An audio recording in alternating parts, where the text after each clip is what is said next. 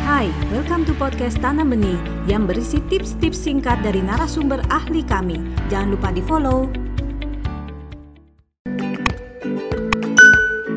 Orang tua tidak memarahi anak, tapi dia harus mau mendengarkan, harus berempati.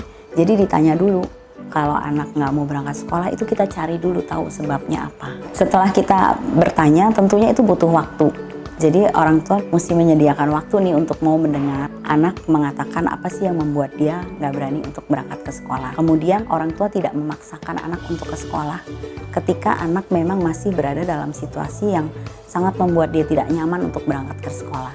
Karena dalam kondisi seperti itu sebetulnya anak tuh sedang kehilangan trust terhadap dunianya. Anak kehilangan kepercayaan terhadap dunianya sehingga dia merasa dia tidak aman dia takut untuk ke sekolah. Dengan dia diajak berbicara dari hati ke hati oleh orang tua, anak sedang membangun kepercayaannya kembali kepada orang tua bahwa orang tua adalah figur yang bisa membantu dia untuk keluar dari masalahnya. Nah, sehingga itu pasti butuh waktu ya.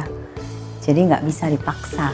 Kuncinya orang tua itu harus peka dan mau memahami apa yang menjadi kekhawatiran anak orang tua harus mau mendengar apa yang disampaikan anak tanpa harus memberikan judgement atau penilaian tertentu. Kemudian yang paling penting adalah orang tua harus selalu berkomunikasi dengan pihak sekolah sehingga uh, guru bersama orang tua bisa bersama-sama mencari penyebab dan menemukan solusi untuk membantu si anak.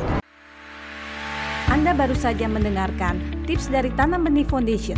Mari bersama-sama kita terus belajar untuk menjadi orang tua yang lebih baik demi generasi yang lebih baik. Jangan lupa follow podcast kami.